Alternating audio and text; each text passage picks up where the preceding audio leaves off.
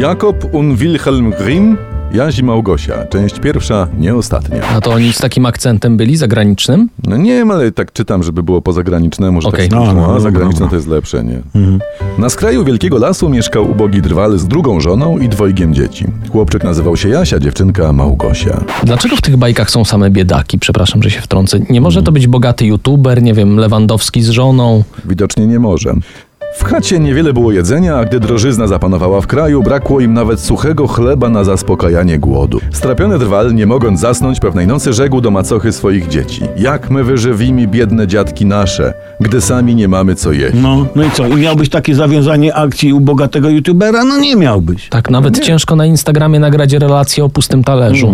Jutro o świcie musimy wyprowadzić dzieci do lasu, rzekła macocha, i pozostawimy tam je własnemu losowi. Jeszcze niech im zapałki da, byłby Jaś i Małgosia z zapałkami. A pamiętam to z dzieciństwa, słuchajcie. Leżałem i myślałem sobie o niej. A to zła torba. Ta- Ja jakoś wyrzuciłem to z pamięci, że to bajka o patologii, ta Jaś i Małgosia. Nie? Drwal z ciężkim sercem uległ namowom macochy, swojej żony w sensie drugim. Tymczasem dzieci również nie spały, gdyż nie mogły usnąć z głodu i słyszały wszystko, co macocha mówiła do ojca. Wszystkie dzieci powinny się rodzić w domach youtuberów, a nie drwali.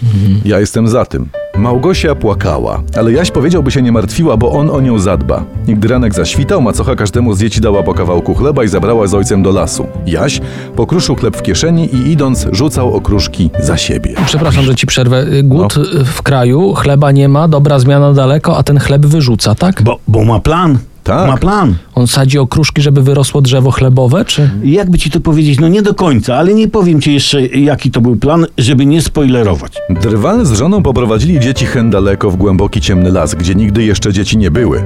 Tam macocha kazała im rozpalić wielkie ognisko i rzekła: Posiedźcie tu dzieci, a my idziemy do lasu rąbać drewno, a wracając wieczorem wstąpimy tu po was. Nie wierzcie im! Nie. Małgosiu, uciekaj! Ojca Tak. łap za kapotę kilofem, matkę w plery i... E, chwila, chwila, skąd ona weźmie kilo w lesie? No zastanów się. Może w tym lesie spotkają jakiegoś youtubera, nie wiem. Tak, tak. Jak założy czerwony kapturek, to spotka youtubera w wilczej skórze. Wytaj panowie, bo wy nie mieszajcie bajki.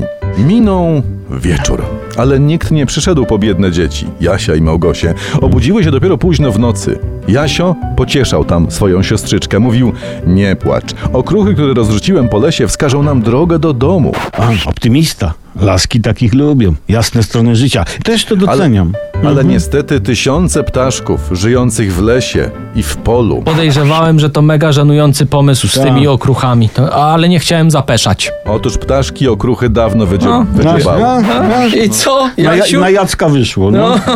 Jasiu i Małgosiu szli całą noc i cały następny dzień od rana do wieczora i w końcu, po trzech dniach wędrówki, dzieci trafiły na polanę, na której stała chatka zbudowana z chleba i pokryta ciastem, a szyby były z cukru. Oho, zaczęły się omamy wzrokowe, pewnie z głodu. Co z tego wynikło? O tym w kolejnym odcinku bajek. Radiowcy bez cenzury polecamy się.